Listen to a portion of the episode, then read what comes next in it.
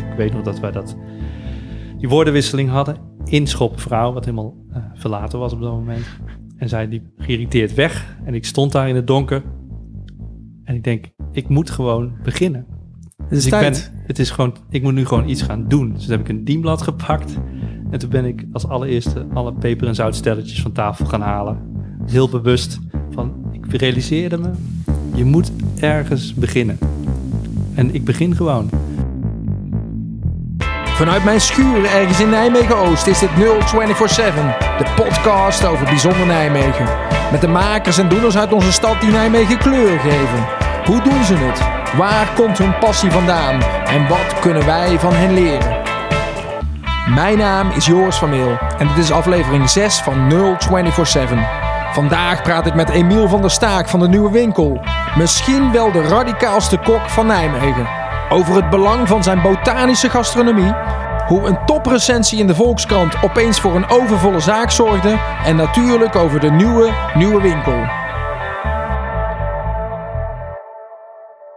Voor de mensen die jou niet kennen. Wie ben jij, Emiel van der Staak? Ik ben Emiel van der Staak en vaak begin je dan over je werk te praten. Dus laat ik dat dan ook doen. Ik werk als chef-kok-eigenaar in een restaurant. Ik ben eh, 42 jaar oud en doe dit werk al vanaf mijn veertiende. Dus schaal wat jaartjes mee. En met het restaurant zijn we eigenlijk begonnen eh, bijna acht jaar geleden. En dat is tot nu toe nog altijd een zoektocht. En dat bevalt me prima. Het restaurant heet De Nieuwe Winkel. De nieuwe winkel, Ja, het is al een tijdje dicht. dat is inderdaad hoe het ging. Eh, de kans zagen wij om de zaak te verkopen. En tegelijkertijd zagen we de kans om op een nieuwe plek verder te gaan. Nou bleek het een niet per se met het ander eh, samen te vallen. Want de nieuwe locatie moest nog verbouwd worden. En eh, heel veel dingen weet je van tevoren niet. En dat is eigenlijk maar goed ook. Maar dit wisten we dus ook niet. Dus inmiddels zitten we in de verbouwing. Zijn we zeven maanden verder. En nadert de voltooiing. Maar vanuit ondernemers oogpunt eh, kan ik het niemand aanraden. Nee, Het geeft ook een bepaalde onrust. Ja, vertel eens. Waar, waar zit die onrust? Nou, van het een op het andere moment heb je natuurlijk, en geef je de exploitatie op. Ehm, is het restaurant niet meer actief, maar je hebt natuurlijk je mensen die je in dienst hebt. En dat zijn talenten, die wil je graag aan je binden. Hoeveel mensen heb je nu? Eh, op het moment dat we stopten waren dat vier fulltimers. En er zijn er nu nog twee van over. Die in wisselende reden stopten ze, niet per se vanwege die verhuizing. Ja. Maar die twee zijn heel belangrijk voor ons. En ehm, om ze aan het werk te houden moet je werk hebben. Dus in een hele korte tijd zochten we naar een oplossing. Die vonden we ook. Ehm, maar dat was een hele hectische periode. Maar uiteindelijk met een beetje vindingrijkheid en goede bedoelingen van jezelf en anderen, dan kom je dus toch gewoon weer verder. Ja, maar die oplossing, dat was eh, O42, Oranje Single. Ja, er was een locatie beschikbaar uit het niets ook eigenlijk. En we hebben in drie weken tijd een plannetje gesmeed, inhoudelijk hè, rondom het concept wat we daar gingen doen. De locatie was er en we hebben alles verhuisd. Ik weet nog steeds niet precies hoe dat ging en hoe we dat gedaan hebben, maar het lukte en we zijn open gegaan. En dat draait inmiddels en daar ben ik heel blij mee. Ja, ik ga je een pijnlijke vraag stellen. Volgens mij was de eerste communicatie dat je in het najaar van 2018 open zou gaan in het, eh, in het weeshuis aan de Hessenberg in Nijmegen. Precies, het heeft nog in de Volkskrant gestaan. Dus, Precies eh, dat. Nu kunnen we zeggen dat het fake nieuws is. dat was fake nieuws, kunnen we nu zeggen. Maar ehm, nee, als je me dit in september vroeg, zei ik december. En vroeg je het me in december, zei ik februari. Als je me nu vraagt, zeg ik mei. Kom over een week terug. Dan misschien weer een paar weken daarna. Ik ging op zoek naar een nieuwe datum, die kon ik ook niet vinden. Je hebt ervan geleerd om... Nee, ik ben, ik er zelf heel erg ontspannen onder. Maar je wordt overal gevraagd naar de openingsdatum. En inmiddels leerde ik dat we daar maar gewoon niet te veel over moeten zeggen. Want het is een nogal organisch proces, het verbouwen van een rijksmonument. Het pand beweegt ook niet altijd mee. Dus dat betekent dat je op voorhand eigenlijk niks kunt zeggen over die eh, tijdlijn. Ja, kun je alvast een, een, een, een vooruitzicht geven aan, on- aan ons, de, de eters, wat we straks gaan meemaken? Ehm, ja, maar dat zal een abstracte termen zijn, want ik weet het zelf ook nog niet. Wat zie je, Eh, voor, wat zie je voor je? Ik zie voor me dat we verder eh, ja, radicaliseren eigenlijk. Ehm, In de positieve zin des woords natuurlijk. dat is een ieder om te bepalen, maar wat mij betreft wel namelijk in de zin dat we nog verder onderzoeken en uitdiepen hoe we, en dat is eigenlijk de strekking van ons verhaal, hoe we met planten eh, super lekker eten kunnen maken. Yes. En daar gaat tijd in zitten en aandacht. En uiteindelijk proef je dat. En die zoektocht die gaan we nog verder brengen op die nieuwe locatie. Nou, daar, daar ga ik het straks nog veel langer met je over hebben. Over, over botanisch koken, geloof ik. De, de botanische, Botanische keuken. gastronomie. Was Ja. nog een moeilijker woord. Ik wil eerst even terug naar, naar toen je 14 was. Want je zegt, ik doe dit vak al sinds mijn veertiende. Eh neem eens mee naar die tijd dan. Wist je toen ook al dat je kok wilde worden? Nee, absoluut niet. Ehm, ik werkte in de keuken van een restaurant in Den Bosch. Een petit restaurant. Ik weet nog steeds niet precies waarom dat zo heet eigenlijk. Maar eh begon in de afwas en na een paar maanden smeerde ik de broodjes. En dat waren eenvoudige gerechten. En ik leerde daar vooral eh, de mores kennen van het vak. Maar helemaal niet daar met de bedoeling om, eh, om daar mijn werk van te maken. Het was een bijbaan. Het was een bijbaan. En als ik erop terugkijk, verdiende ik nooit meer dan in die tijd. Eh, dat was, als ik terugredeneer, we maakten lange dagen en ik kreeg een fantastisch uurloon. En dat was volgens mij niet eens allemaal wit. Eh, dus ik had er een heel fantastisch leven op mijn veertiende met dat bijbaantje. Ehm, dus daar kijk ik nog met veel plezier op terug. Want je leert een hoop. Ik kan het ook iedereen aanraden. Niet per se om dan door te gaan in dit vak. Maar om er een tijdje in actief te zijn is... eh, Wat Is heel? Je, hebt het, je hebt het over de mores. Eh, is wat leer je dan? Ja, hoe je in een team samenwerkt, hoe je met elkaar onder hoge druk een prestatie levert. Nou ja, dan ben je 14, dan word je echt voor de leeuwen geworpen. Ehm, je leert ook echt letterlijk werken, gewoon fysieke arbeid met elkaar. En het, eh, het sociale aspect in de horeca is altijd belangrijk. Het is echt een team eh, inspanning. Dus het is mooi om daar onderdeel van uit te maken. Eh, dus er hangen wel heel veel dingen mee samen met dit werk. Je ging geen koksopleiding doen eh, toen je 18 was of hoe oud? eh? Nee, dat was. ehm, dan zit je op de middelbare school en dan krijg je een eh beroepskeuzetest. En dan scoor je goed in exacte vakken. En dan kom je met een decaan te spreken die zegt: Jij moet in die richting verder. Ehm, en ging ik civiele techniek studeren. Ehm, puur op basis van dit soort eenvoudige eh, redeneringen. En eh, dat is een fantastische eh, studie om te doen, overigens. Maar naarmate de tijd verstreek, bleek ik beter in mijn bijbaan dan in mijn studie. En dingen waar je goed in bent, die zijn gewoon leuk om te doen. Waar, waar was jij zo goed in dan, eh, buiten je studie, in je bijbaan? Nou, gewoon de handigheid in een keuken, hoe je in zo'n team inderdaad begeeft en eh, het, plezier wat je eruit haalt. Ja. Ehm, ik wil niet zeggen dat ik een hele goede kok was of zo, maar als je er plezier in hebt en je haalt er energie uit ehm, en je hebt er inderdaad een bepaalde handigheid in, is het leuk om te doen. En van mijn studie kon ik dat niet altijd zeggen. Ja, en dan komt het eh, omkeermoment, want je bent volgens mij gestopt met je studie, is het niet?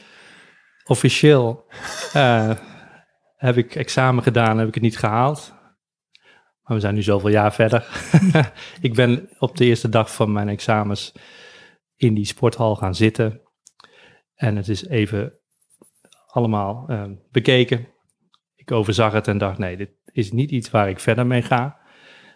Eh, ik stond op en, eh, en liep weg en ik heb me keurig afgemeld en uitgelegd. En de directeur van de school die had daar begrip voor, want zijn zoon schijnbaar had iets soortgelijks om handen. Dus hij kon zich erin herkennen in mijn verhaal en vervolgens ben ik de deur uitgelopen. En tegen mezelf gezegd, nu word ik chef-kok, al had ik geen idee wat dat betekende. Eh, heb je dat omkeermoment, eh, dat was dus in die gymzaal, dat dat het niet was? Hè? dat was het moment, ja. Is er ook een moment geweest dat je wist, dit is het wel, dat, de koksdinges? Of eh, dit, dit is een... Nee, dat is grappig eigenlijk als ik bij veel van dit soort momenten terugdenk, dan is het vooral de stelligheid waarmee ik weet dat het het niet is. En dan ben je zo fier om er een verhaal bij te bedenken wat het dan wel is. Was Maar andersom. Je hebt geen idee Ja. waar je aan begint. Maar wat er goed aan was, is dat daarmee ik gewoon werd gedwongen datgene waar ik echt voor koos ook tot een succes te maken. Er was op dat moment ook niemand meer die, eh, die mij vanuit thuis ondersteunde. Die zei dat prima. We hebben altijd jouw studiegeld betaald. Daar stoppen wij mee. Dit is wat jij wil. Eh, gun het je van harte, maar doe het dan ook maar lekker zelf. En dat was eigenlijk wel goed. Want dan, eh, dan kom je ook echt een stap verder. Geen, geen, geen ruimte voor twijfel ook. Nee. Je was Nee, want dan kom je in de positie van, nou, dan laat ik zien dat ik gelijk heb ook. Ja, precies. Je was 21. Ja. Koksopleiding? Hoe lang, hoe lang duurt die en wat, wat doe je dan eigenlijk? Wat leer je? Uh, officieel duurt die hele opleiding vijf jaar. Het eerste jaar, daar vegen ze iedereen bij elkaar waarvan ze niet zeker zijn of het iets gaat worden. De meesten slaan dat eerste jaar over, dan blijven er nog vier jaar over. En dat was in die tijd tenminste zo. Ik stroomde in dan in jaar één. Of tenminste dus jaar twee. Want eigenlijk het eerste doet niet echt de zaak. Maar goed, ik zat in de trein terug na die intake met een jongen die mij vertelde dat hij in jaar uh, drie mocht beginnen. Dus één jaar verder was dan ik, omdat hij, uh, volgens mij had hij de HAVO afgerond of een jaar HEO gedaan, iets in die geest. Toen dacht ik, ja, maar dat, dat, dat wil ik ook. Toen ben ik meteen weer teruggegaan met de trein. en door een beetje makkelijk een verhaal samen te stellen en makkelijk te praten, kom je dan in tien minuten een jaar verder. dus toen zat ik dan in de derde. Die heb ik keurig volbracht met een, een examen. Dan ben je primair. Dat, was wel gewoon, dat deed wel gewoon een jaar over. Ja, precies. Dat heb ik keurig afgemaakt. Dan heb je de primaire opleiding afgerond, die normaliter dus drie jaar duurt. Um, en dan kom je in het vierde jaar terecht en dan heb je in het vijfde een examen. In het vierde jaar kwam ik in een schoolsysteem terecht, waarbij nieuwe boeken werden ingezet met een, eh, oude boeken met een nieuw leersysteem, uh, nieuwe manier van leren. Dat sloeg nergens op, dus ik heb dat bij de docenten aangegeven. Tot het moment dat ze zeiden, misschien is het beter dat je van school gaat en buiten school om je examen doet. En wij zullen jou dan het hele jaar uh, als uh, aanwezig melden. Jij doet het dan op eigen houtje. Als vragen zijn, horen we het wel. Maar hoeven jou niet op school hier te zien met jouw kritische vragen. Ik zeg, dat is prima. Dus toen was ik eigenlijk in het tweede jaar al op het punt dat ik mijn examen mocht doen voor het vijfde jaar. nou, dat klinkt allemaal heel fijn. Maar de conclusie is dat je je diploma hebt prima, maar je kunt eigenlijk helemaal niks. En dat was voor mij ook zo. Dus toen begon het pas. En dat is uh, en toen begon mijn het pas dan... ja, tot zover. Voor de mensen die nog konden volgen. dan begint het pas. Dan, dan, dan ga je aan de slag. En eh, ik kan me zo voorstellen, in de praktijk leer je het pas echt. Wist jij toen wat, wist jij toen wat je voor ogen had, waar je terecht wilde komen?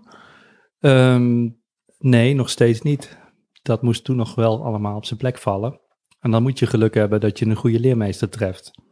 En ik trof die in de vorm van Paul Varel. Mhm. En dat is natuurlijk een, uh, een, grootheid, althans in mijn vak. En um, heeft jarenlang op het allerhoogste niveau gewerkt. Die man is nu in de 70. Maar ik kwam bij hem in de keuken terecht en toen begon te dagen wat er werkelijk bij komt kijken bij dit vak. Hoe kwam jij bij hem binnen? Uh, mijn tante is getrouwd met een vagel. En dat is een volle neef van Paul. En die zei een keer tegen mij, ik neem jou mee en dan gaan we daarheen. En dan stel ik je voor aan Paul Vaal en misschien mag je wel stage lopen. En dat mocht inderdaad. Dan heb ik daar een week in de keuken gestaan. En een paar maanden later belde ze op of ik niet interesse had om uh, in vaste dienst te komen. Neem eens mee naar die, naar die eerste week. Wat, wat maak je dan mee? Is dat dan herkenbaarheid met wat je, wat je, voor, wat je al voor je zag? Of? Nou, het begon met, ze belde mij inderdaad op we willen dat je bij ons komt werken, maar dan moet je eerst een paar maanden in de brasserie werken. Dus dan los daarvan nog een brasserie, los van het uh, luxe restaurant. En eh, ik heb schijnbaar gezegd van, nou nee, dan heb ik dus geen interesse. Ik wil enkel en alleen met meneer Vagel in de keuken staan. Dus waar die arrogantie vandaan kwam, weet ik eigenlijk niet. Maar een week later belden ze weer terug, oké, kom maar. Toen was het geregeld. De les die ik daarvan leerde in elk geval is dat je gewoon geen concessies moet doen. Niet te laag inzetten. Nee, en ook als je bepaalde ambitie hebt, dan moet je die ook gewoon uitspreken. En dan zie je later wel wat er van komt. Mooi. En geen compromis op dat vlak. Maar ik kwam daar terecht. En op mijn eerste dag was degene die mij zou inwerken, die was ziek. Dus de chef kwam naar mij toe, niet meneer Vagel zelf, want er was gewoon een chef-kok in dienst. En excuseerde zich van, joh, degene die jou in zou werken, die is er niet. Laten we er het beste van maken. We gaan je helpen. Um, zo goed en zo kwaad als het kan. Het geeft allemaal niks. Dat je, weet, je weet eigenlijk peper en zout nog niet te vinden. Nou, die, die dag heb ik wel uh, uh, zoveel energie van gekregen. Want dan word je voor de leeuw geworpen. En draai een ontzettend intensief servies. Dus uh, s'avonds noemen we dan het servies. En uh, als door adrenaline gedreven heb ik me door die uren heen gevochten eigenlijk. En de beloning was aan het eind van de avond dat je collega's je complimenteren. En eigenlijk aangeven, dat heb je fantastisch gedaan. We hadden het eigenlijk niet verwacht, want het is ongelooflijk lastig om hier zomaar... Maar ik heb er zoveel ehm, inspanning voor had ik voor geleefd. Ik had me er zo op, eh, was er zo op gebrand om dat tot een succes te maken. En als dat dan lukt, ja, dan, dan zet je in één avond eigenlijk een, een paar hele grote stappen. Dus dat was een geweldige start voor mij. Wat een geluk dat die man eh, Exact. ziek was. Ja, anders word je bij de hand genomen en Zit er iemand tussen? er komt nooit echt die klap in je gezicht waarmee je eigenlijk een grote stap kan zetten. Wauw. Dus ik heb daar hele goede herinneringen aan. Hoeveel maanden heb je daar eh, rondgelopen? Bijna twee jaar volgens Twee mij. jaar zelfs. Ja. En, En, en, dat- ja. en dan ben je leerling of eh, hoe moet ik dat Nee, zien? toen was ik dus al zelfstandig werkend kok, zoals dat heet. Gelijk. Ehm, en dan, eh, dan mag je in zo'n brigade als bij Varel, met zes man in de keuken of zo, dan ben je chef de partie. Hè? Dus dan heb je een bepaalde sectie waar je verantwoordelijk voor bent. Nou, dat was bij mij eh, grappig genoeg eh, de groente, toen al. Eh, maar Is dat toeval? absoluut, nou nee, veel koks, als ze starten in een brigade, dan begin je aan de groentekant of aan de koude kant. Ehm, wat er leuk is aan die positie is dat het heel veel ehm, dynamiek kent tijdens het servies. Je moet al die bereidingen, en zeker bij zo'n klassiek geschoolde chef als Varel, met zo'n klassiek bedrijf, al die bereidingen alle menu doen. Dus dat is een heel groot eh, spel op een heel groot fornuis. De Fransen noemen dat niet voor niks een piano. En dan speel je dat spel en dat schuiven met die pannetjes. En eh, Dan komt als intense- het goed is muziek uit. ja, je bent als het ware dat, dat fornuis, eh, die piano aan het bespelen. En dat, dat is een waanzinnig spel om te doen. En eh, in een ongelooflijke hitte, eh hele barre omstandigheden eigenlijk. Maar het is een geweldige uitdaging. Als je jong bent, is dat eh, iets wat je ook echt kan opbrengen. Ik zou het nu niet aan moeten denken. Maar dat was, dat was fantastisch. Ja, en, en daar begon het aan die kant. Ja, twee jaar zeg je. Vervolgens heb je een overstap gemaakt, neem ik aan. Eh, Ja, hoe dan- gaat zoiets? Dan vorm je dan steeds meer in beeld wat je, wat je voor ogen hebt en, en, en wat je wil? Nee, ik heb. Ja, op een gegeven moment wil je de beste van de wereld worden of zoiets eh, in die geest. Dus in die richting denk je dan. Dus dan moet je bij de beste bedrijven gaan werken. Dat, dat stel je dan ook vast. En dan ga je daar eh, naar op zoek om daartussen te komen. En ik denk ook niet dat je het voor minder moet doen. En dan zie je later wel eh, wat er van terecht komt. Maar zo ben ik eh, in die twee jaar toe gaan werken naar een manier om eh, die stap te maken. En dat is ook gelukt. Paul Varel heeft nog een getuigschrift geschreven in het Frans. Ik ben naar Brussel gegaan. eh. Ik heb inderdaad eh, een baan gekregen in Brussel bij eh, echt een heel goed restaurant. Het had al 23 jaar drie Michelin-sterren. Ehm, een Belgisch restaurant natuurlijk, waar een hele andere moren schuilt. Die structuur is veel hiërarchischer. En Nederlanders staan daar niet in hoog aanzien. Eh, al met al heel wat factoren die ertoe leiden dat het al vrij snel gedaan was met mijn eh, ambitie om op dat niveau eh, te acteren. Dat past niet bij mij. Al- al- Als in, je hebt het daar niet lang Nee, volgehouden? nee, ik heb daar volgens mij anderhalve maand gewerkt. En toen was het klaar. Maar in die anderhalve maand geleerd voor ongeveer een jaar. Oh, echt waar? Dus Wat heb je daar geleerd dan? Nou, het is, begint natuurlijk altijd te dagenlang zijn. Hè. Je begint acht uur s ochtends. Ehm, dan sta je op en dan kan je je wassen met koud water. En dan moet je de keuken in. En dan eh een uur of elf ben je een keer klaar. Dan kan je op het werk douchen. En dat dan vijf dagen achter elkaar. Dus dat is super intensief. Oh, het klinkt alsof je intern woont bijna. Ja, je dat woont dat doe je ook. Ja, met twee op een kamer. Het is, ehm, het is eh, die, die, in die zin, de vergelijking met, eh, met het leger is niet, niet ver. Want er de, de, de geldt een ijzeren discipline. Ehm, ik heb het overigens heel erg naar mijn zin gehad. Ergens wel. Ehm, ontzettend veel geleerd. Maar het uite- uiteindelijk was het een principe kwestie op basis waarvan ik ehm, heb besloten van ik moet, dat, ik moet daar weg. Want als Ja. we zo met elkaar omgaan, dan komen we niet verder. Maar, Ehm, maar anderhalf maand geleerd voor een jaar. eh, ja, vanwege die enorme hoge drukpan waar je in terecht komt. Uiteindelijk moet je. eh, uiteindelijk stel ik vast dat ik ontzettend veel geleerd heb daar. Dus dat is me wel wat waard. En dan maakt het me eigenlijk niet uit of dat in dit geval anderhalve maand is of twee jaar. Of, het was goed voor mij om daar te zijn. En ik kijk er met veel plezier op terug. Het was ook goed om er weg te gaan. Ja, ik, ik was wel opgetogen en ik vond het, eh, ik vond het fair hoe het ging. Ehm, het, was, het was de goede beslissing op dat moment. Dus Ja. als je dat voelt, dan kun je daar prima mee leven. Ja. Ehm, ja. Naar Amsterdam geloof ik, of niet? En, eh, ja, geweldig leuke tijd gehad ook weer. Ehm, waar ging je heen? eh, het Amstel Hotel. Kijk, kleine jongen. Dat was, uh, ja, dat is ook weer om heel veel redenen nuttig om in gewoon een groot hotel te werken. Hè? Om voor Paul McCartney te koken en uh, Bruce Springsteen en uh, Janet Jackson. En Pierce Brosnan, dat was allemaal in die tijd. Maar dan kijk je stiekem vanuit de keuken wie er zit, of hoe gaat zoiets? Ja, of ze kijken naar jou, hè. Dat, als, de, als het goed als, is. Als die mensen boottochtjes maken op de Amstel, dan moeten ze toch voor de keuken langs eigenlijk in en uitstappen. Dus. En Paul McCartney dan, had dan de gewoonte om even te zwaaien, dus buiten gewoon vriendelijk. maar het is gewoon, de dynamiek in zo'n hotel, dat is gewoon een klein dorp natuurlijk, met allemaal afdelingen en, en buurten eigenlijk. Uh, iedereen heeft zijn eigen cultuur en het is ontzettend interessant om daar uh, onderdeel van te zijn. Ja, grote brigade, wel 30 koks, wat ik me ervan herinner. En daar was jij er één van? Ja, ja.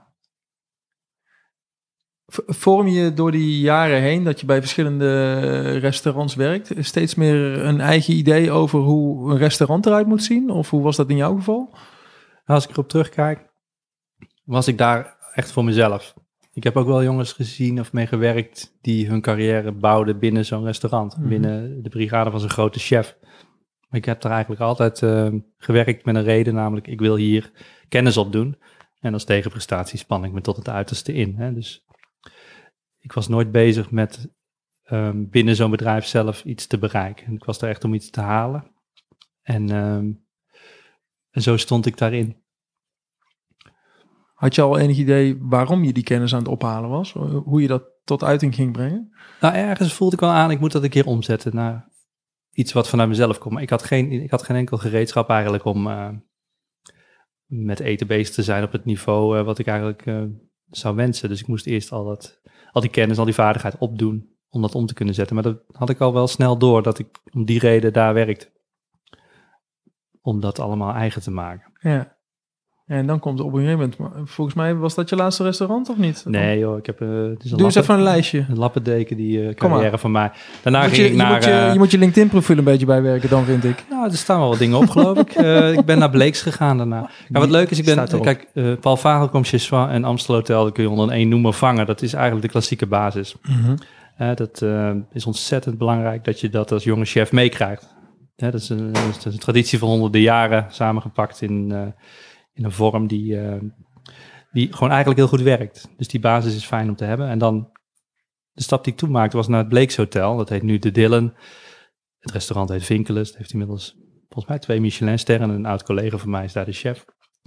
Maar ik kwam daar terecht onder... En ik kwam te werken onder uh, Chilo van Koevoorde. En dat is een beetje een atypische chef. Mm -hmm. Hij is nu de chef van het Conservatorium Hotel in Amsterdam. Prachtige plek trouwens. Um, maar die deed dingen anders. Die uh, was veel meer bezig met uh, welke kleur het gerecht had. Meer althans dan dat ik gewend was. Hij had ook een klassieke basis, dus hij kon dat ook uh, met goede smaken tot een gerecht maken. Maar hij dacht veel meer na over hoe presenteer ik dat, welke kleuren gebruik ik, welke vormen. Soms mocht het wel recht op een bord liggen en dan mocht het vooral niet schuin. Dus er was veel meer aandacht voor dat hele grafische aspect eigenlijk, wat eten natuurlijk ook is. Veel creatiever. We werkten met producten die op dat moment voor niemand anders beschikbaar waren. Die werden ingevlogen vanuit Japan en vanuit Londen. Um, en toen werd mij duidelijk wat er allemaal nog meer mogelijk is. En dat was een ontzettend leuke tijd. Nog steeds wel leuk contact met, uh, met Chilo. Ja, want wat hij deed is eigenlijk zijn eigen saus over de klassieke keuken gooien. Hij, heeft, hij gaf er zijn eigen draai aan. Dat... Ja, hij liet zich absoluut niet remmen door wat anderen deden of door wat mensen zouden verwachten. Of wat hij had geleerd in zijn opleiding. Hij was het al aan het toepassen, ja. Wow. En dat doet hij nog steeds. Echt een unieke uh, signatuur. En dat was voor mij een uh, belangrijk uh, inzicht. Je kunt er eigenlijk elke richting in kiezen die jij wenst. Um, als het gaat om de creativiteit. Ja, te gek. Ja, dat leer je ook niet op een school, kan ik me zo voorstellen. Dat zijn echt dingen die je in de praktijk van de echte grote moet, uh, moet leren. Ja, absoluut. Je moet de vaardigheden, gewoon vaardigheden leren in de praktijk. Um, een beetje theoretisch, uh, theoretische kennis is niet verkeerd. En dat heb ik me ook eigen moeten maken buiten het werk om. Hè. Dus ik kon uh, alles wat ik kon vinden, dat ging ik lezen en wilde ik weten. En als ik op het werk geconfronteerd werd met een simpele vraag van kan je dit of dit even maken? Kan je even die tomaten monderen? Dan zei ik altijd heel fier, ja natuurlijk. Maar dan ging ik het toch s'avonds nog even opzoeken. Of ik het niet verkeerd had gedaan of, uh, of wat het nou precies allemaal is. Dat is tomaten monderen, wat is dat? Nou, het gaat hier eigenlijk bijna al mis, want in je opleiding leer je dat het plisseren heet. Maar dat klopt dus niet. Dat is ooit in een leerboek in de jaren zeventig verkeerd door iemand opgeschreven. Ik kwam er natuurlijk weer achter in België, want dan lachen ze je uit als je het zegt. De techniek van monderen is dat velletje verwijderen nadat je ze gekookt hebt of geblancheerd en dan koud gespoeld. Daar is gewoon een moeilijk woord voor. Ja. dat is toch schitterend. Maar dat wist ik dus ook allemaal niet. Maar ja, dat hoor je op je werk en je knikt en eh, je gaat rustig verder. En s'avonds moet je dat dan nog even opzoeken. Op googelen. Of ja, dat was toen nog niet eens zozeer. Waar zocht je dat in op? Had je een bijbel? eh, een... Nou, kookboeken, hè. Dus eh, Ja, ja. er zijn boeken natuurlijk. en collega's. En je probeert dat ja, zelf verder te, te helpen. Ja. Eh, Bleeks, hoe lang, heb je, hoe lang heb je daar gezeten? Nou, anderhalf jaar. Ja, ja En dus Toen ging het over van de eigenaar. En dat was een beetje een onrustige periode. Chilo stond ook op het punt van vertrekken. tijd om Toen te koos ik eigen voor mijn geld. En eh, het was eigenlijk wel een mooi moment. Ja. Nog een kookboek gemaakt daar met, eh, met de mensen die toen daar werkten. Prachtig boek geworden. Volgende stap weer. Waar waar kwam je toen terecht? Ehm, met een aantal mensen die bij Bleeks werkten, startten we ons eigen restaurant. Ik was daar, als, ik was daar in loondienst, maar wel belangrijk, als chef-kok aangetrokken. Mhm. Dus toen kon ik mijn eigen keuken bouwen Hoe heette dat? in Amsterdam. Het heette Bras. Mhm. Ehm, ja, dat was superleuk. Het heeft vier maanden geduurd. Hoe dat mij. zo? Ja, weet je, ehm, ik kreeg geen salaris uitbetaald. Nou, dat gaat best een tijdje goed. Achteraf bleek de ondernemer eh, een oplichter te zijn, Ja. Een pathologisch leugenaar. Eh, was eigenlijk heel treurig. Ehm, die had alles bij elkaar gepraat. Eh, ik kreeg geen salaris, wat op zich best onhandig is als je in Amsterdam woont en werkt. Dus dat was niet meer houdbaar. Dan moest gewoon, dat stopte toen. Doodzonde. Ja, ja, dit is wel echt een heel grappig verhaal, want ik was daar begonnen, het kreeg goede kritieken. Eh Chilo sprak ik nog regelmatig, die zei van nou, ik stuur Johannes van Dam wel op je af. Ja, ja. Super, moet je doen joh. Bekende recensent van Parool. eh. Ja, dus dat was wel eh, een spannende tijd, maar vlak daarvoor stopte ik. Dus wat deed ik nou? Ik stuurde Johannes van Dam een mailtje, gewoon ter informatie, dat je weet van ik ben in elk geval niet meer de chef. Verder helemaal niks stond daarin. En toen heeft hij Van Dam nog een paar weken gewacht. En toen is hij toch nog komen eten. Toen was ik al weg. En toen gaf hij een 4,5. Vrij kort daarna is het bedrijf ter ziele gegaan. Ah. Dus een hele ongelukkige geschiedenis. Maar eh, ja, ook daar leer je ontzettend veel van. Het is een grote leerschool geweest tot, tot, tot, tot wat nu tot uiting is gekomen, kan ik me zo voorstellen. Ja, het is, eh, het is zeker geen rechte lijn. Vanaf mijn veertiende tot aan eh, de plek waar ik nu zit, met jou zitten praten.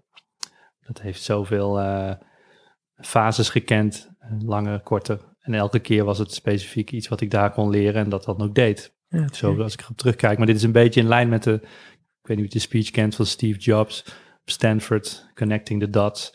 Nou, dat, Achteraf kun je de Ja, dan dots is met elkaar verbinden. God, wat fijn dat ik toen eh, mijn salaris niet kreeg, weet je wel. Daar kun je dan in één keer besef van hebben. Ja. En eh, zo zit mijn carrière, tussen aanhalingstekens, vol van dat soort momenten. Ja. Die heel bepalend zijn, maar dat weet je op zo'n moment niet per se. Dus inmiddels ben ik er verder mee gekomen, denk ik, weet je, wat er nu gebeurt, om het even wat het is. We gaan nog zien wat hier eh, precies de reden van is. Maar er zal een reden zijn. Er zal toch ergens Vast een keer een verband te leggen zijn. Dus eh, ik heb daar wel wat meer vertrouwen in. Steken we wel over naar Nijmegen nou? Of eh, vanuit Bras? Of, Ja, Bras? precies. Dat was wel ongeveer het, het eindstation in Amsterdam. En dan woon je daar in onderhuur. Dan word je ontdekt. En dan moet je eruit. Eh, mijn vriendin ronde haar studie af op dat moment. Ehm, en toen dachten we, nou, we gaan verhuizen. En we verhuizen naar Nijmegen. Waarom in hemelsnaam? Ik heb geen idee. Ik kan me daar niet van herinneren dat daar heel veel hele goede redenen voor waren. Vanuit mij gezien, ik weet, mijn vriendin heeft familie in Elst wonen. Ja, dus je was bekend met dat deze was voor kant mij van dan het een land. brug te ver. Maar eh, Nijmegen, dat is in elk geval nog een stad, nadat je in Amsterdam hebt gewoond. Het leek toen heel erg logisch, maar de praktijk was dat de dag dat ik voor de eerste keer wakker werd in Nijmegen, nadat we voor de eerste keer eh, in ons nieuwe appartement hadden geslapen, dat was misschien de zesde keer of zo dat ik in Nijmegen was. Dat is zo absurd snel gegaan allemaal. Dus ik deed de gordijnen open met een blik van, eh, wat doet Nijmegen hier? En dat, dat was echt, ik, ik, stap, ik had nog helemaal niks daar. Dus het was volkomen nieuwe wereld.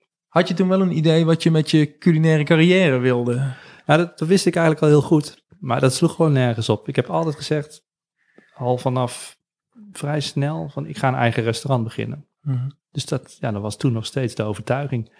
Maar ja, dat slaat natuurlijk nergens op. Als ik iemand dat nu zou horen zeggen, die in de positie is waarin ik toen was, dan zou ik denken, nou, nou, nou, nou, Nou, wa- waarom niet? Want, want je, hebt dat bij, allemaal wel. je hebt bij aardig wat grote eh, restaurants gewerkt. Waarom is het gek dan dat iemand dat zou zeggen? Nou, om te beginnen, je hebt natuurlijk 0 euro. Oké, dus dat goed is wel punt. een kleine omstandigheid die eh, niet echt meehelpt. Ehm, en het ondernemerschap is ook een enorme opgave waar je op voorhand helemaal niet op voorbereid bent natuurlijk. Hè. Je kunt van allerlei vaardigheden eigen maken, maar het ondernemerschap staat daar weer los van. Een kok is niet per definitie een goede ondernemer. Nee, dus er komt veel meer bij kijken.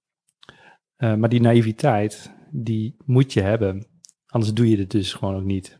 En ik ben blij dat ik zo naïef was. En stap voor stap geploeterd heb eigenlijk tot het moment dat het restaurant open ging. Dat is nog een proces, denk ik, van vijf, misschien wel zes jaar geweest. Eh, Maar ik stond er wel elke dag mee op met het idee, dat ga ik gewoon doen. Kun je me eens meenemen naar die tijd dan? Want je zegt dat het stap voor stap is het, eh, is het gegroeid tot, tot wat het nu is. Eh, ehm, vijf, zes jaar? Je, Ja. je, je, je had- je had 0 euro, maar eh, hoe, hoe verdien je je geld in die tijd? Ik heb echt op eh, hele bijzondere plekken gewerkt. Vertel eens. Op de Waalkade bijvoorbeeld. Uh, uitsmijters staan bakken en biefstukken. Meen je? Bij wat voor zaken werkte je toen? Eh, dat heette toen nog eh Boboer. en ehm, dus daar heb ik gewerkt. Ik heb bij een heel groot aantal Humphries filialen door heel Nederland gewerkt. Ehm, ik heb in Ede op een hele fijne plek gewerkt. Ehm, eh, her en der collega's geholpen. Maar dat ging al lang niet meer om eh, het werken zoals ik dat eerder dat was deed. gewoon om geld te verdienen. Dat was gewoon om in leven te blijven in feite. Hè, om, eh, om te kunnen... Om je verplichtingen te kunnen voldoen. En daarnaast was je bezig, vijf, zes jaar lang, om je eigen tent ooit neer te gaan Ja, en zetten. gewoon er inderdaad mee bezig zijn, reageren op eh, bedrijven die in de verkoop komen, informeren met makelaars. Ja, je doet van alles in alle naïviteit. Ehm, ja, toch ergens zet je dingen in beweging. Ja, niet eens want- bewust. Want hoe is het zover gekomen? Je hebt je, in 2011 uiteindelijk ben je in... Toen is het gestart, ja. ja, ja. En, de, en de Hertogstraat was dat. Hoe is Ja. dat zo gekomen? Nou, Bistro Schoppenvrouw, dat eh, stond te koop. Onbeperkt sperrips eten voor 15 euro. Dat, dat soort werk. net, Eh, net, iets anders een net iets ander concept. Ander concept. En eh, een oom van mijn vriendin, die wees ons erop dat het in de verkoop kwam. Eh, de vraagprijs was 45.000 euro. Waar, waar betaal je dan voor? voor, voor... Dat, was, dat, dat is de goede vraag die hij stelt. Nou, voor niks eigenlijk. Voor eh, oude, oude rieten stoelen en, eh, en heel veel oude spullen. Dus dat is heel veel geld. Dus dat leek ook nergens op uit te lopen. Maar ik, ik was de enige partij die geïnteresseerd was op dat moment.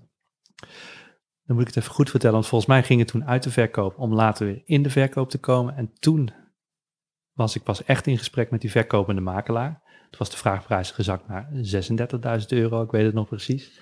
en toen was ik in gesprek met die makelaar, met die eigenaar.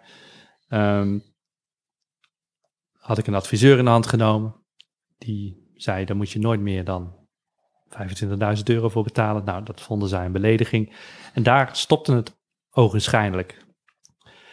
Precies op dat moment verkoopt InBev, de brouwer, de, een aantal panden in één keer. En de nieuwe pandeigenaar die informeerde bij die verkopende makelaar, zijn er überhaupt geïnteresseerden? Ja, eentje. Dus toen mocht ik eh, eh, op audiëntie komen bij de pandeigenaar. En dat is een bekende persoon hier in Nijmegen. Ja, vorig jaar in het nieuws geweest waarschijnlijk. Hij komt vaker in het nieuws, zo ook vorig jaar. Maar dat is eh, Ton Hendricks. En ehm nou, kennis meegemaakt. Kende hem verder ook niet. Maar ik hoorde daarna niks meer. Ik denk een week, misschien twee weken later, belt hij mij op. Hij zegt, ik heb de hele bende gekocht. Ik heb hier de sleutel. En ik herinner me dat ik nog zei van, maar gaat u dan achter de pannen staan? Of ik begreep niet direct precies wat hij bedoelde, maar het kwam erop neer, kom maar langs. Zorg maar dat die tent leeg komt. En dan gaan wij het verbouwen voor jou. Dat is natuurlijk niet echt een afspraak als in het beeld wat je van afspraken hebt. In al je naïviteit van, nou gaan we een intentieverklaring of een contract of allemaal verplichtingen over en weer. Nee, hier is de sleutel. Zorg maar dat het leeg komt. En dan kijken we verder. En ik weet nog wel dat ik toen discussie had met mijn vriendin van, daar begin je niet aan, ga je allemaal tijd in stoppen, dat, dat leidt tot niks. En dat was wel een soort van ja-nee moment voor mij, wat ik heel bewust heb meegemaakt. Ik weet nog dat wij dat, die woordenwisseling hadden in Schoppenvrouw, wat helemaal eh, verlaten was op dat moment. En zij liep geïrriteerd weg en ik stond daar in het donker. En ik denk, ik moet gewoon beginnen. Het is Dus ik ben, het is gewoon, ik moet nu gewoon iets gaan doen. Dus heb ik een dienblad gepakt. En toen ben ik als allereerste alle peper- en zoutstelletjes van tafel gaan halen. Heel bewust van, ik realiseerde me, je moet ergens beginnen. En ik begin gewoon. Heb ik de tafels netjes opgestapeld aan één kant gezet. En zo ben ik gewoon begonnen. En vanaf dat moment heeft het zijn weg eh, ge- genomen en inderdaad gezorgd dat die hele tent leeg kwam. Ehm, dan kom je met Ton Hendricks ook weer verder. Je maakt afspraken. Ehm, je gaat zelfs een verbouwing in. En die verbouwing liep anderhalf jaar uit. Nou, dat heeft allemaal onderdeel gemaakt van dit hele proces. En dat is goed geweest. Ook die anderhalf jaar. Dan is, dat is ook tijd die nodig is om, om te rijpen en om het idee verder te brengen. En dan ga je open in al je naïviteit. Om in al je naïviteit, je had een idee, je had een concept. Wat is daar naïef aan? Nou, Omdat je niet weet wat je te wachten staat. Dat sowieso. En naïviteit in de zin van je bent op, gebaseerd op niks, overtuigd van, nou, dit gaat natuurlijk gewoon werken. Want ik, ik weet gewoon zeker dat het werkt. Dus dat is gewoon letterlijk eh, laatste dingetjes schoonmaken, op zijn plek zetten, dan de deur gewoon echt openzetten en zo wachten. Kom, dan komen de mensen wel. En dat, die naïviteit. Hoe, hoe hadden mensen moeten weten dat je open was? En, Ja, jij stelt goede vragen. dat konden ze ook niet weten. Dus ik kan ook niet zeggen dat het een doorslaand succes was. Nee. Weet je die eerste dag nog, dat je open was? Ja, toen- was het wel- slot? Ja, het was de hele familie Hendricks eten. Tuurlijk, gezellig. Ehm, ik had een jongen die ik al kende eh, uit het verleden, waar ik mee samen had gewerkt. Eh, dat was mijn nieuwe collega. Dat was eh sous-chef, zoals dat zo mooi heet. Maar ja, je bent maar met z'n tweeën. En, en mijn vriendin in de bediening. Dus we waren met z'n drieën. En ik weet nog goed dat we 28 gasten hadden die eerste avond. Maar er waren allemaal mensen die onze sympathie hadden voor ons. Of het een beetje gevolgd hadden. Maar eh, dat was een hele intensieve avond, ja. Er ging ook denk ik heel veel mis. Mensen hebben lang moeten wachten. Maar ehm, dat weet ik nog goed. Dat was de eerste avond. Avond 1, 28 man. Avond 2, toen was de familie Hendricks er niet. Nee, toen kwam de rust. En eh, dankzij mijn schoonouders, die kwamen zo'n beetje elke dag eten, eh, zijn we ook gewoon langzaam verder gekomen, hebben we nog kunnen bestaan. Maar wat ik zeg, in je naïviteit begin je aan zoiets. In de volle overtuiging dat het werkt en dat het goed is en dat daar mensen op zitten te wachten. En dat het vanzelf gaat wellicht. Dat... En het gaat sowieso vanzelf. En dat is natuurlijk ook zo. Ehm, eh, uiteindelijk is het ook allemaal goed gekomen. Wat heb je er moet, aan moeten doen om ervoor te zorgen dat het eh, uiteindelijk goed kwam? Ehm, nou, gewoon volhouden natuurlijk. Dus eh, soms ook tegen beter weten in gewoon doorgaan. Niet opgeven. En, ehm, maar uiteindelijk het keerpunt, dat kwam door een recensie in de Volkskrant. Meneer Van Dinter. Dat was drie maanden nadat we open waren. En die was lovend over jullie, gaf jullie een 9. Een droom van een ontdekking. Dat Ja. was de kop. En de slotzin was I had a dream. Hij, hij, eh, wist je dat hij in je zaak was? Nee. Dus je hebt gewoon een avond gedraaid zoals andere avonden. De grap was wel, toen hij weg was, toen schoot het door mijn hoofd. Alsof ik het, ik weet niet waarom, maar toen dacht ik, dat was Mac van Dinter. En ergens kun je dan toch op de achtergrond die verbanden leggen. Ik heb zelfs nog in mijn naïviteit, daar is het woord weer, aan tafel gestaan bij Mac van Dinter en gezegd van, nou, daar zei het is wel erg rustig. Wij vonden het dus hartstikke druk, want er waren elf gasten of zo. Of veertien, maar ook niet meer. Eh, maar dat ik zei, nee, maar dat, eh, dat komt wel goed. Ja, het zou fijn zijn als, eh, als de Gelderlander bijvoorbeeld even een, een klein stukje zou schrijven of iets van aandacht in de krant. Maar, maar dat komt vanzelf, daar ben ik niet bang voor. Nou ja, niet wetende dat dat Mac van Dinter was. Kwam Dus die met- zaterdag de recensie in de krant? Of is dat dan een week Nee, drie later? weken later. Ja, Dus wij Was dat een verrassing? Of, eh, Ja, wij weten op voorhand natuurlijk niet wat hij schrijft. maar je wist wel, op, voor- ja, op voorhand wist je ook niet dat je in de krant zou komen. Ja, misschien vermoedde je toen iets, maar... Nee, ergens in die weken daarna werd je gebeld door de fotografen. Ah ja, tuurlijk. eh, Els Sverink. Die werkt nog steeds voor de Volkskrant. Dus ben nu, zijn nu al acht jaar verder. En eh, die maakt dan een afspraak. Dus dan weet je, er komt een recensie. En ik weet nog wel dat we haar gevraagd hebben, heb jij die recensie al gezien? En wat kunnen we verwachten? Nee, het was wel een positief stukje, zei ze. Dus nou goed, dan heb je er op zich wel vertrouwen in. Maar je hebt zoiets nooit meegemaakt. En toen, een- een van de mensen die bij onze bediening werkte, die had de inlogcode voor een Volkskrant abonnement. dus die heeft dat aan ons gegeven, zodat wij konden inloggen. Dus hebben wij daadwerkelijk eh, s s'nachts de recensie denk ik als eerste in Nederland gelezen. en toen? Nou, ik weet mijn vriendin dacht, dat is helemaal geen goed stuk. Die was helemaal in paniek. Dus ik lees het nog een keer. Ik zeg, volgens mij is het best een goed stukje. En- waarom twijfelden ze? Nou, heel specifiek kwam dat omdat Van Dinter haar ook omschreef. Als eh, een klein eh, rossig meisje met hoorn en bril. Ja, is wel waar, toch? Daar was nee, geen woord aan gelogen. Maar dat, dat was voor haar op dat moment eh, aanstootgevend. Of eh, dat ze, daar herkende ze zich niet in, dat weet ik niet. Maar eh, volgens mij is het daarna allemaal wel goed gekomen. Daar stopten ze met lezen, maar de gerechten, de Ja, gerechten ja, de- kwamen... wat zal haar die gerechten schelen? Nee, tuurlijk. Er zijn belangrijkere dingen. Dat snap ik. Ja. En toen, die, die zaterdag stond het in de krant. Eh, was dat echt een omslag dat het vanaf dat moment ook echt drukker was? Of hoe gaat zoiets? Ja. Ja, echt waar? We hebben zonder liegen vijf maanden elke dag volgezeten. Wauw. Dat is absurd. De naïviteit betaalde zich uit. Op dat moment eh, gebeurde er wel iets heel wonderbaarlijks. Ja, dat hadden wij nog niet eerder meegemaakt natuurlijk. En dat, eh, ja, dat was fantastisch. Dat heeft ons wel eh, op de kaart gezet. Ja, Te gek zeg. Ik vond het mooi. Laatst heeft hij zijn, zijn, zijn afscheidstour gedaan. En ging hij natuurlijk nog langs tien restaurants waar hij goede herinneringen aan had. Jullie zaten er weer bij. absoluut. Jullie Ja. kwamen er weer wel aardig uit. Ja, dit was natuurlijk een heel ander, eh, Ander stuk. stuk, Het was ja. geen kritisch stuk, want hij gaat dan de restaurants waarvan hij vindt, daar moet je een keer gegeten hebben, af. En daar waren wij bij en we zaten bij de laatste drie. Volgens mij was er ook nog een bepaalde hiërarchie. Hmm. Dus we moesten alleen Jonny Boer en goede vriend van Mac van Dinter, Dick Zoek, voorlaten. Het is hem vergeven. nee, het was een prachtig stuk. Het was een fijne avond. We wisten natuurlijk nu wel dat hij er was. Ehm, en ik vind het knap. Het is een hele goede journalist. Los van dat hij natuurlijk positief schrijft over ons. Maar hij, kan, eh, hij is goed met, met woorden. Hij heeft Ja. een hele, hele snelle pen. In dat laatste stuk had hij het ook over je samenwerking met, eh, met Wouter van Eck van het, van het Voedselbos. Hij ging echt ook in op jullie manier van werken. Je had het er net al over. Botanische gastronomie. Kun je me daar wat meer over vertellen? Was dat, was dat oorspronkelijk ook de insteek toen je in 2011 begon met de nieuwe winkel? Of is dat, is dat geëvolueerd? Nou, je raadt het antwoord al. Dat heeft eh, op voorhand allemaal niks eh, aan bedoelingen gehad. Het ontstaat gewoon. Je, je begint eraan in 2011, de recensie volgt.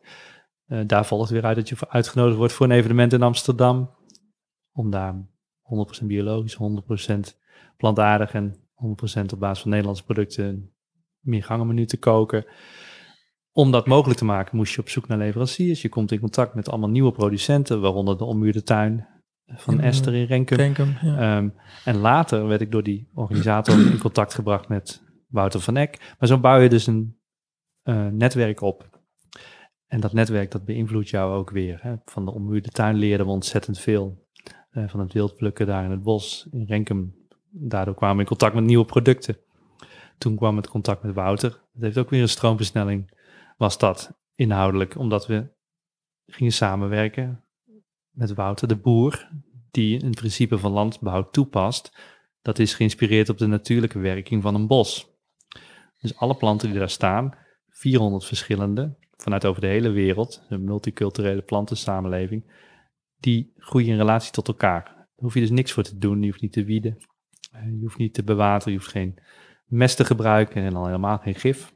Eh, er leven insecten en vogels. Het neemt elk jaar een volume toe. En je kan ervan eten. Ehm, en als je dus komt te werken met al die verschillende planten, dan hoort daar een naam bij. Botanische gastronomie kwam voorbij. Dus die hebben we. Die zijn we gaan gebruiken om het te duiden. Van hoe kun je met die planten, en met die botanische kennis over planten, eh, toepassingen vinden in de gastronomie. Hè? Dus hoe kan je daar lekker eten van maken? En dat is dus een proces van jaren. En dat loopt ook parallel met de evolutie van het voedselbos. Hè? Want toen ik aanhaakte, toen kon je het maar met moeite een bos noem- noemen. Zit in Groesbeek, hoe, hoe- hoeveel hectare is het Het groot? is 2,5 hectare. Dus, eh, ja, dat is best... 2,5 voetbalveld zeggen we dan. En ehm, dat begon als een kale maaisakker. Dat is nu al wat tien jaar geleden. En inmiddels, dat is ook bekend uit de literatuur van over voedselbossen. Jaar 10 is eigenlijk het omslagpunt. En dat merk je, de oogsten nemen toe en eh, het volume neemt toe. En dat komt mooi uit, want ook de ontwikkeling van de nieuwe winkel maakt een soortgelijke, eh, gaat met een soortgelijke snelheid. Ja. Ehm, maar daar ontstond dat idee van botanische gastronomie. Hoe kunnen we met die planten lekker eten maken? Ja, wat was het idee om de, met de botanische gastronomie te starten? Wat, wat, zat daar nog een overtuiging achter? Of was het gewoon, hé, hey, dat is tof, dat, dat kunnen we gebruiken? Snap je wat ik bedoel? Nee, daar kan ik wel van zeggen dat op dag één al duidelijk werd, als ik in dit vak actief ben, laat ik me dan in elk geval inspannen op een manier waarvan we weten dat het werkt, beter werkt. En dan leer je dus, En beter werkt als, is, eh, als in goed voor de wereld is. als het inderdaad goed voor de wereld is, als je besef hebt op een goed moment in je carrière als chef, dat veel van de keuzes en de uitdaging waar we voor staan als mensheid samenhangen met voeding, dan kan je niet meer naïef zijn dan niet. En kun je bewust gaan kiezen voor in een, voor- in een richting waarvan je weet dat die wel werkt of beter werkt. En dat is automatisch minder dierlijk eiwit. Ehm, een een manier van produceren die ehm, minder of geen bijeffecten heeft, negatieve bijeffecten. Ehm, is biologische teelt bijvoorbeeld ten opzichte van gangbaar. Ehm, hoe ziet ons landschap er eigenlijk uit als ik doorga met het verwerken van eh monocultuur gewassen? Ehm, die samenhangen weer bijvoorbeeld met zuivel.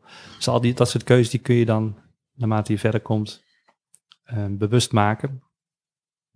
En daar hoort bij dat dus automatisch meer planten op je bord krijgt. Daar lees je veel over in de krant. Kun je van alles van vinden, maar ik geloof dat je er uiteindelijk niet omheen kan. En laten we dan in ieder geval zorgen dat het eten lekker is en dat er nieuwe inzichten ontstaan, vakinhoudelijk ook. Ehm, dus dat heeft altijd al boven het verhaal gehangen. Ja, Alleen, je kunt niet op dag één alles in één keer omvatten. Dus je bouwt het op hè, door de producenten die je leert kennen. Want op dag Goed. 1 was, het, dat- was dat al wel een uitgangspunt van de nieuwe winkel. Ja, ja, die intentie is er altijd geweest. Maar je hebt het weten te perfectioneren door met Je komt er verder bij en je komt er verder mee. Ja. En ehm, het is ook een beetje... eh, de geruststellende gedachte erachter is, is er eentje van Michael Pollan. Je kunt beter eh, inconsequent goed doen dan consequent fout. En dat is een doctrine die ik toepas. Van, het is helemaal niet erg dat er nog steeds hiaten zitten in dit verhaal. Of dingen die nog niet helemaal werken of nog schuren. Maar blijf je gewoon inspannen om dat verder te brengen. En dat is vanaf dag één eh, aan de hand. Even naar het voedselbos. Ik las ergens dat je er elke maandag, als je restaurant open is, eh, dat je er naartoe gaat. Eh, maandag is onze sluitingsdag, dus dat maakt het al wat makkelijker. En dan ga ik er inderdaad naartoe, 11 uur. Wat doe je dan? Eh, ik neem de koekjes mee. Wat, Wouter heeft de, de koekjes. De En Wouter heeft de koffie, want het is nogal eind fietsen. dus ehm, dan fiets ik daarheen en dan, eh, dan is dat alles sinds genoegelijk. Praten we bij. En dan doen we een schouw. Nee, dan lopen we door het, eh, door het voedselbos, waarbij we natuurlijk ook oogsten. Maar ook eh, eigenlijk ook ehm, zien hoe dat zich ontwikkelt. En eh, hoe de seizoenen zich ontwikkelen, hoe planten zich gedragen, hoe ze smaken. Dus is een onderzoekende rol op dat moment.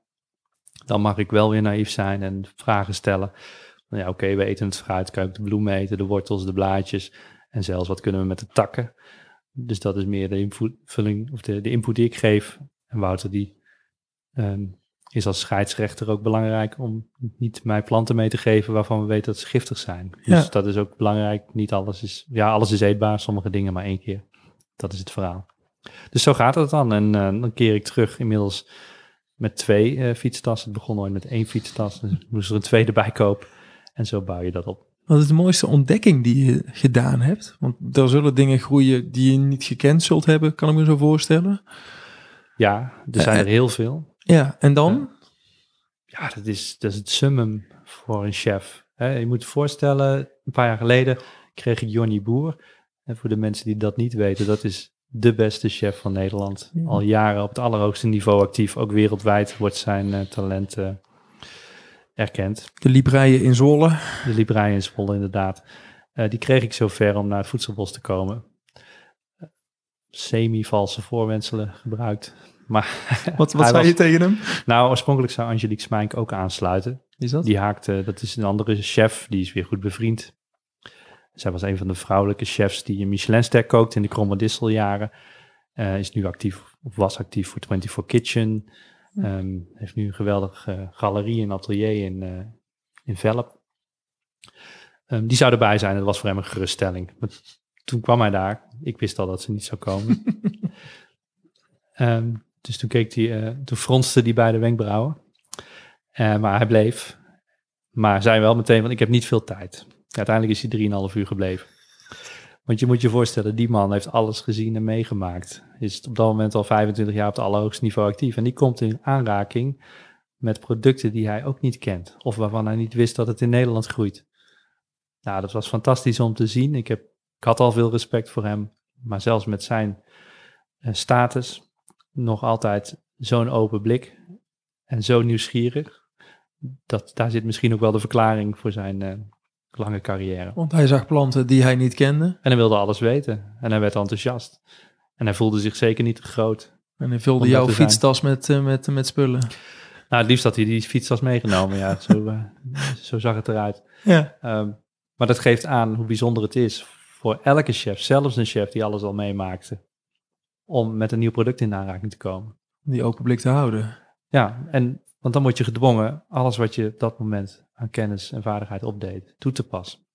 Op iets waarvan je niet weet uh, hoe dat zich gaat gedragen en welke uitkomsten het kent. En dat is een geweldig inspirerende bezigheid, waarbij je uiteindelijk ook aan de lopende band faalt. Ja, want, want, want ik kan me zo voorstellen, je gaat met je fietstas naar huis of naar je, naar, naar, naar je keuken. Nou, je haalt er spullen uit die je wellicht nog nooit gekookt hebt en dan ga je experimenteren. Exact. En dan gaat het eigenlijk heel vaak mis. Ja, en heel af en toe gaat het goed. En die euforie, die is verslavend, kan ik zeggen, als het dan een keer goed gaat. Ik, ik kun je me het mooiste moment uh, eruit halen van een euforisch moment dat je denkt, oh, dit is zo lekker, dat had ik echt niet verwacht. Nou, het meest bijzondere was dat we, het begint natuurlijk met de vraag stellen, de, de, de relevante vraag. Ik sta voor de Chinese mahoni, Tuna sinensis, de botanische naam. Uh, Gemüsebaum noemen ze het in Duitsland, dat zegt al iets. Uh, het gevederd blad kan je eten en smaakt naar Franse uiensoep. Dat weet je op een goed moment. Dat is fantastisch. Op zichzelf kunnen we daar al heel lang over praten. Vervolgens snoei je die boom en ervaar je een enorm aroma in die takken. Dan stel je de vraag: kan ik dat aroma uit die takken uh, extraheren? Kan ik daar bijvoorbeeld, zoals ik dat met botten gewend was, een jus van trekken? Dat is een hele interessante vraag. Kan ik van hout jus trekken? Daar begin je aan, dat gaat aan de lopende band mis, want het is te bitter. Want de sleutel is de temperatuur in combinatie met de tijd. En als dat dan lukt, en je serveert een gerecht, een gestoomde kuststart geïnspireerd op iets wat ze in Japan doen, en die serveer je voor de eerste keer aan de meest invloedrijke culinair journalist van Nederland, namelijk Mac van Dinter. En dat lukt.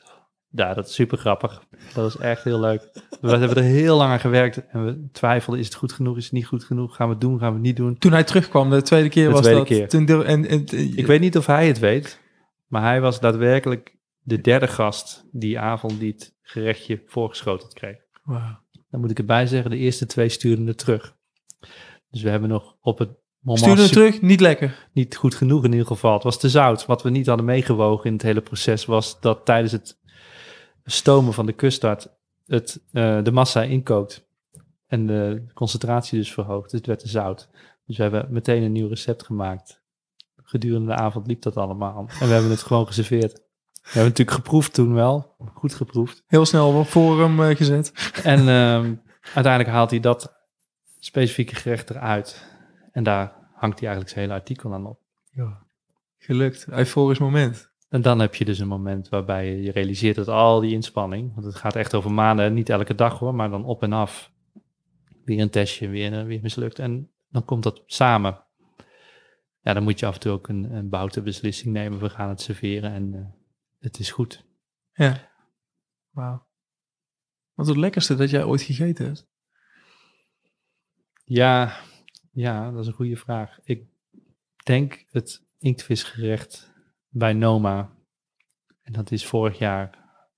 Uh, Noma is Kopenhagen of Kopenhagen, dat een aantal jaren rij werd uitgeroepen als beste restaurant van de wereld. Belangrijker nog, het gedachtegoed wordt wereldwijd overgenomen. Het heeft een stroming veroorzaakt die we de Nordic cuisine noemen. De grondgedachte is sense of time and place. Dus je moet op welk moment in het jaar op de plek waar je bent kunnen zien aan het bord eten wat je neemt, uh, dat je daar bent. En wanneer dat, dat hebben zij geïnitieerd. Ja. Dat is natuurlijk een hele krachtige gedachte. Ik ben er ook door geïnspireerd. Maar jouw vraag, wat was dan het lekkerste gerecht? Dat was het inktvisgerecht, waarbij ze inktvis hadden bereid in zeewierboter. En uh, dan is het de uitdaging zo'n gerecht te eten op de juiste snelheid. Te snel is zonde. te langzaam, dan is het laatste gedeelte van je gerecht niet meer zoals het zou moeten zijn. Dan koelt het namelijk af, onder ja. andere. Ik heb het te langzaam gegeten. Dus het eerste gedeelte was verrukkelijk. Het was ongelooflijk goed. Het was ongelooflijk goed, ja. Weten zij dat jij ook een chefkok bent dan? Of ben je daar gewoon als een consument? Ze weten dat, ja. Hoe gaat ze wit? Ze, ja, zij hebben ook Google in Denemarken. Dus ja. ze hebben de gewoonte voor elk servies alle gasten te googelen. Jo. En dat betekent op het moment dat je dan binnenkomt, dat de hele brigade, al snel een man of veertig denk ik, jou heel enthousiast begroet met uh, hi chef, welcome. En uh, ja, dat is ook wel typisch iets wat bij Noma hoort hoor. Ja, da daar heb je je nog niet door laten inspireren. Dus niet dat ik de volgende keer bij jou reserveer en... Uh... Dat is een manier om erachter te komen. Maar ik kan je wel zeggen dat het heel goed werkt. Het is heel fijn om welkom geheten te worden. Wow. En al helemaal met enthousiasme. Ja, oh, te gek. Hoe is het met de Nijmeegse cuisine? Hoe is het om een, uh, een restaurant in Nijmegen te hebben? Dat is eigenlijk een andere vraag. Hoe is het om een restaurant in Nijmegen te hebben? Het is een hele gemoedelijke stad. Um, het stemgedrag van de bewoners, dat zegt ook wel iets over het humeur van zo'n stad. Uh, ik voel me er heel erg thuis. Een restaurant um, kan ook wel op belangstelling rekenen. Het is ook wel een Bourgondische stad. En de meest, uh, uh, wat is het, de meest zuidelijke, of de meest noordelijke van het zuiden. Wat was het ook alweer? Ja. We horen nog eigenlijk net bij Brabant en Limburg. Dat merk je ook wel. En ik heb ook wel het idee dat het in heel veel opzichten ook wel verschilt met bijvoorbeeld Arnhem. Um, en het heeft een heel goed, uh, kwalitatief heel hoogwaardig aanbod van restaurants. Er zijn een aantal die er echt bovenuit steken en uh, ambachtelijk werken en prachtige gerechten voorzetten. En er is ook belangstelling voor. Kun je wat voorbeelden geven? Ja, we hebben uh, iemand die eigenlijk als pionier mag worden aangemerkt. Niek van Lokven van restaurant Savarijn of Jurgen Eikholt van, nu heet dat Witlof, dat was vroeger de Schat. Hm. Maar ook wat meer jonge honden als Elroy, slijkhuis van, van Bistro Flores. En natuurlijk Jeroen Vesters, die ook al jaren op een ontzettend hoog niveau acteert. Dat zijn zo de namen die me te binnen schieten. Ja, hey, en ga je zelf dan nog vaak uit eten? Um, Nee, dat valt eigenlijk wel mee. We gaan wel eens een hapje eten, maar dat is toch wat anders. Wat is een hapje eten dan? Ja, even een pastaatje bij Merano. Ja, ja. dat is bij mij om de hoek. Ja. Um, maar echt uit eten, dat, uh, dat gebeurt maar weinig. En dan niet in Nijmegen in elk geval. Dan neem je de moeite om even wat verder te reizen. Vanwege een bijzonder restaurant of een bijzondere chef. Ja. Je hebt in uh, 2013 volgens mij ben je ook nog met Wallis gestart, toch? Ja, ja. Hoe, hoe dat zo? Want dat doe je er dan ook nog even naast. Nou, ik, ik was in Londen en had bij een hamburgerrestaurant daar. Ik vond dat leuk en gaaf en cool. En ik dacht, nou, dat, dit is een no-brainer. Dit vindt iedereen leuk en dit gaan we in Nijmegen doen. is echt waar gebeurd. Ik kom terug in Nijmegen. Mijn vriendin, daar is ze weer. Die eh, ging eh, drie dagen op vakantie. Die was er een paar dagen niet. Ze ging weg op een vrijdag, ze kwam op een maandag terug. Eh, maandag was het restaurant in grote lijnen rond. Het is zo gegaan. Ik was in Londen en ik realiseerde me, als ik dat wil, moet ik dat doen samen met een compagnon. En niet met een bedrijfsleider, want die, die wil naar, eh, naar het voetbal op zaterdag. Of Ja. die heeft denk ik andere plannen. Dus dan zul je het uiteindelijk allemaal weer zelf moeten doen. Maar als je een compagnon hebt die het ondernemen, de prikkel van een ondernemer ervaart, dan is die toewijding eh, vele malen groter. Dat was het idee erachter. Dus ik was op zoek naar een compagnon. Vrijdag had ik een sollicitant, Mhm. eh, Daan Walschot. Dat is inmiddels ook een goede vriend van mij. Die solliciteerde bij mij. Ik kende hem al wel, omdat we op dezelfde plekken gewerkt hadden.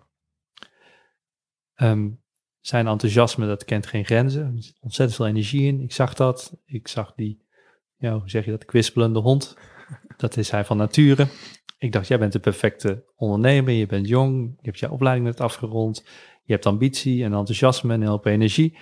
Dus ik zeg hem na een paar minuten van, wil je niet compagnon worden en, eh, en een, een nieuw idee wat ik heb? Nou, natuurlijk wilde hij dat. Maar toen was er eigenlijk nog niks. Ik wist wel dat er een pand leeg stond, een paar deuren verder. Een dag later zit ik een radiatortje te schilderen, want het was in onze vakantiesluiting. Toen liep mijn pandeigenaar binnen om te vragen hoe het ervoor stond, hoe het allemaal ging. En ik vroeg hem, want ik wist het pand is van hem, van wat ga je doen met het pand? Hij zegt, hoezo, heb jij een plan? Ik legde kort uit wat ik wilde. Hij zegt, nou, ik heb een gegadigde, maar ik gun het jou wel, het pand is voor jou. En toen liep hij weg. Dus ik had in twee dagen een pand, een compagnon.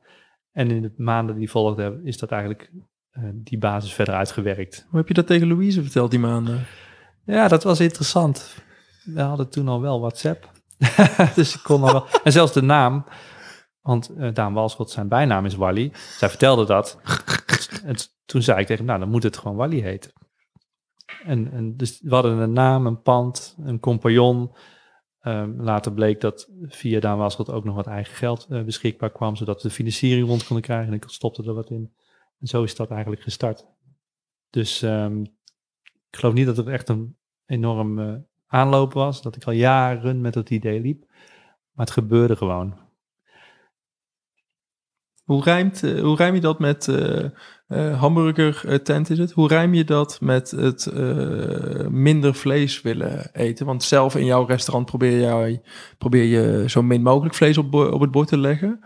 Ehm, hoe rijm je dan een hamburger tent met wat er echt een vleestent is? Ik kan me voorstellen dat dat een beetje een schizofreen aandoet zo. Die, die twee bij elkaar. Maar uiteindelijk hebben we een ontwikkeling doorgemaakt met, met Wally. Meer dan de helft van het menu is nu ehm, niet op basis van vlees. Dus die vleescomponenten dringen we ook verder terug. Het is overigens nog steeds by far het meest populaire item, een hamburger met vlees gemaakt. Overigens is dat vlees dan wel weer een prachtig product. Via een natuurboer, een samenwerkingsverband. Oud-Hollandse runderrassen staan voor tenminste twee derde in natuurgebied te grazen. En als ze niet meer kunnen, ze zijn oud, dan eten we ze op. Eh, biologisch al gecertificeerd. We kennen de slachterij. We hebben daar goede banden mee. We komen daar wel eens. Dat zijn allemaal ambachtelijk. Het zijn mensen die het ambacht verstaan en daar met respect mee omgaan. Ehm, dus een kleine eh voetnoot. Daar wordt wel met aandacht eh, ook over dat vlees nagedacht. Ehm, maar ondertussen ontwikkelt het bedrijf zich dus toch in de richting die de nieuwe winkel al jaren volgt. Ja. En dan is het eigenlijk helemaal niet zo gek gedacht dat je met zo'n populair product, wat een enorme massa bedient, hè, want het is, het is een heel druk restaurant, Waarmee je heel veel mensen bereikt inderdaad. en langzaam eh, die opinie eh, beïnvloedt. Dat eh, is iets wat je, wat je niet moet onderschatten. En het gaat op een leuke manier. We gaan niemand zeggen wat ze moeten doen.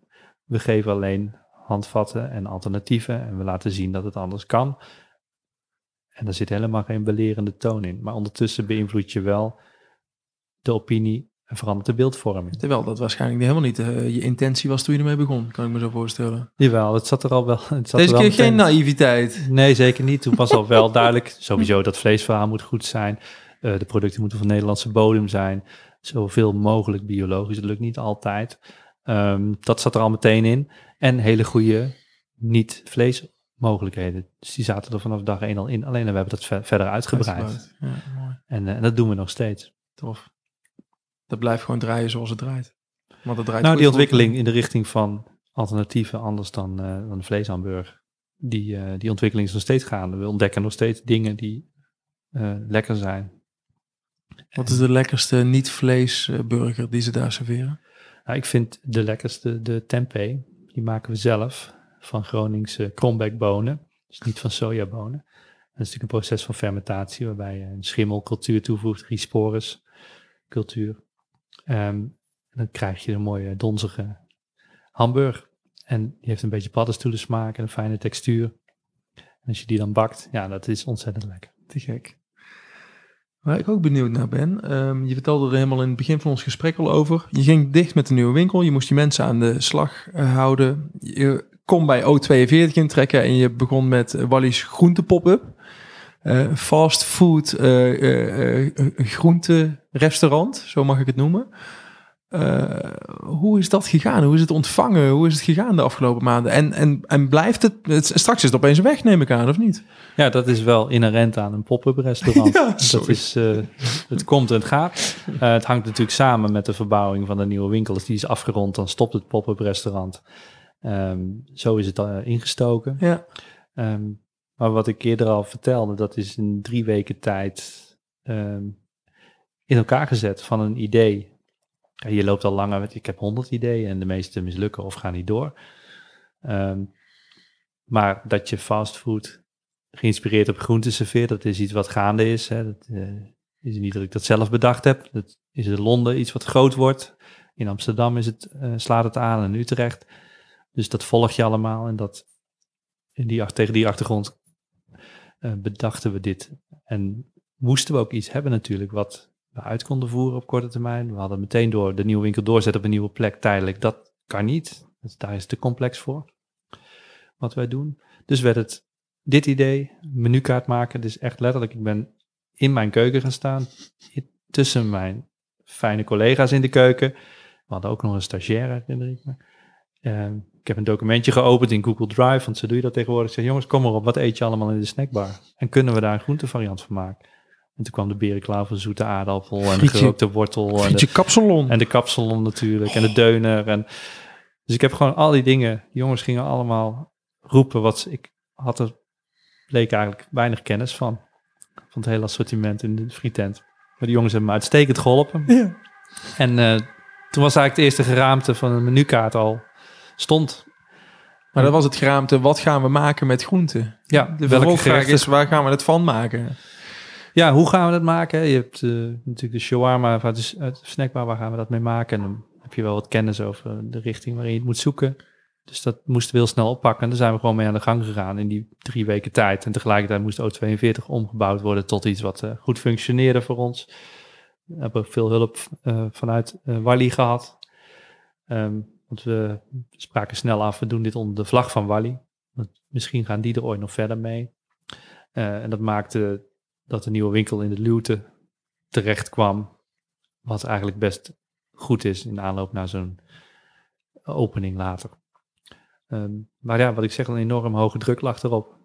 Om dat voor elkaar te boksen. Je moet alles natuurlijk nog, moet wel komen. Je moet menukaart hebben en personeelskleding en de kassa moet functioneren. En, dit is ongelooflijk. Ik weet nog steeds niet hoe het gegaan is. En eh, iedereen die er zich voor in heeft gezet, eh, ben ik eeuwig dankbaar. Ja, je hebt wel twee rollen dan, kan ik me zo voorstellen. Je bent de chefkok en je bent de eigenaar, dus ook de ondernemer. Mhm. Betekent dat ook dat je alles doet? Nee, Niet doe- alleen, maar... Ik doe zo min mogelijk. Dat is mijn idee. Maar Oké, dat goed- lukt niet altijd. Ehm, je moet trouwens ook nog weten, een omstandigheid was dat die recensie in de Volkskrant verscheen. Dus precies op dat moment dat we daar druk mee waren, kwam die recensie en zijn we natuurlijk een enorme knal uitgegaan bij de nieuwe winkel. Elke dag vol, fantastisch. Allemaal mensen vanuit heel Nederland in die, nou wat was het, iets meer dan twee weken dat we nog open waren na die recensie. Dus dat speelde ook nog. Dus wij zaten in een enorme high van die ontwikkeling. En tegelijkertijd waren we druk met een nieuw restaurant wat een week daarna weer open moest. Alsjeblieft. Ehm, ja, dat kun je wel een hoge, hoogdrukpan noemen. Ja. Ja. Hoe vaak sta jij nou zelf nog achter de pannen bij eh, de groente pop-up? Niet vaak, Nee. nooit moet ik zeggen. Tenzij er een, iemand uitvalt en we kunnen het niet op een andere manier oplossen. Ik ben er wel vaak overigens, maar ik jij- sta niet ja. achter de pannen. Jij bent vooral bezig met het nieuwe restaurant dan? Dus als ik nou ook weer terugkijk hoe dat allemaal gaat, dan ben ik blij dat er nu geen de nieuwe winkel is.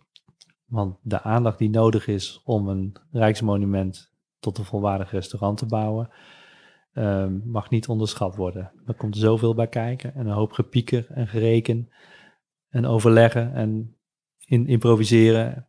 En dat eh, laat eigenlijk niet toe dat je daarnaast nog fulltime een restaurant eh, aanstuurt. Want je bent nou gewoon eigenlijk een soort van bouwbegeleider, kan ik me voorstellen. Ja, en dan kunnen we weer een connecting the dots momentje inbouwen. Civiele Want ik heb techniek. civ- civiele techniek en bouwkunde gestudeerd tegelijkertijd. Het is allemaal ergens goed voor, eh voor Het schijnt, eh, ja. Ja. Ik heb het inmiddels wel door hoe het, eh, hoe het ongeveer gaat. Ja. Raak ook nooit in paniek als dingen heel anders lopen. Ergens kun je later vaststellen dat, dat het ergens goed voor is. Dat is mijn overtuiging. En als je heel veel weerstand gaat bieden, dan heb je daar vooral heel veel last van. En dan stel je het alleen maar uit. Hey, ehm, is, is jouw werk je leven of eh, heb, heb je naast je werk ook nog een ander leven? Nou, niet. Ik ben. Ik weet niet of. Ik zie het niet per se als mijn werk. Ik denk dat daar vooral een. Het is je eh, leven. ja, het is gewoon wat ik doe. En ik sluit niet uit, echt niet, dat ik van het een op het andere moment iets totaal anders doe. Ik kan het ook niet uitsluiten, want zo is het vaker gegaan. Dus ehm, misschien ga ik nog een keer een boek schrijven of ehm, begin ik een hele andere carrière. Dat kan zomaar. Ja. Maar het zal wel allemaal in hetzelfde licht gezien eh, worden, waarschijnlijk het werk of de inspanning die ik doe.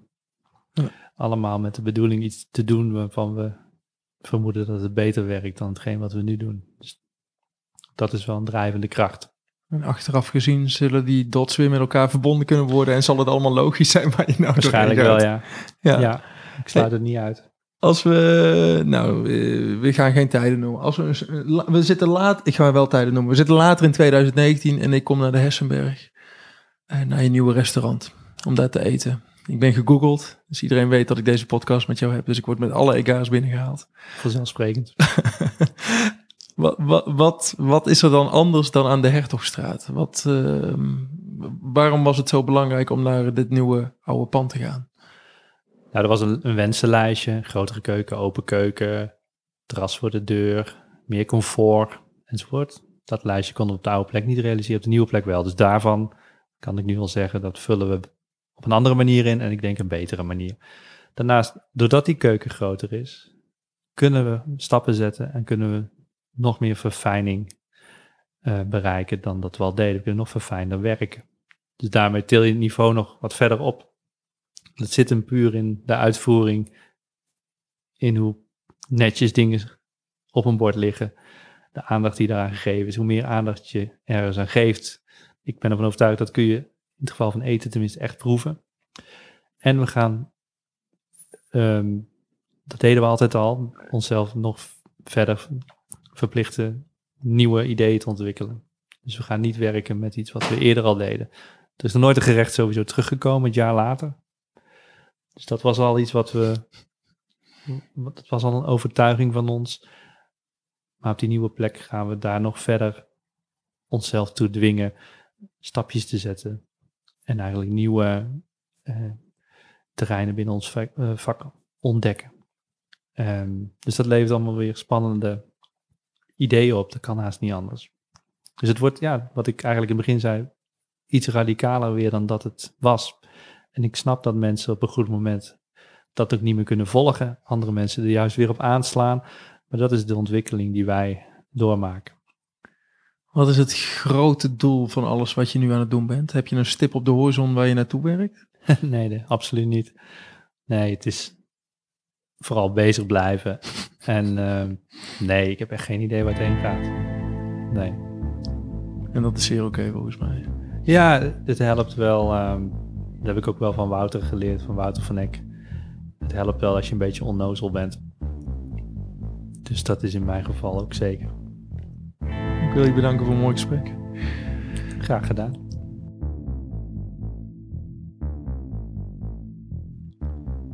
Zo, dat was hem dan. Mijn interview met de man die aan de basis van 0247 stond.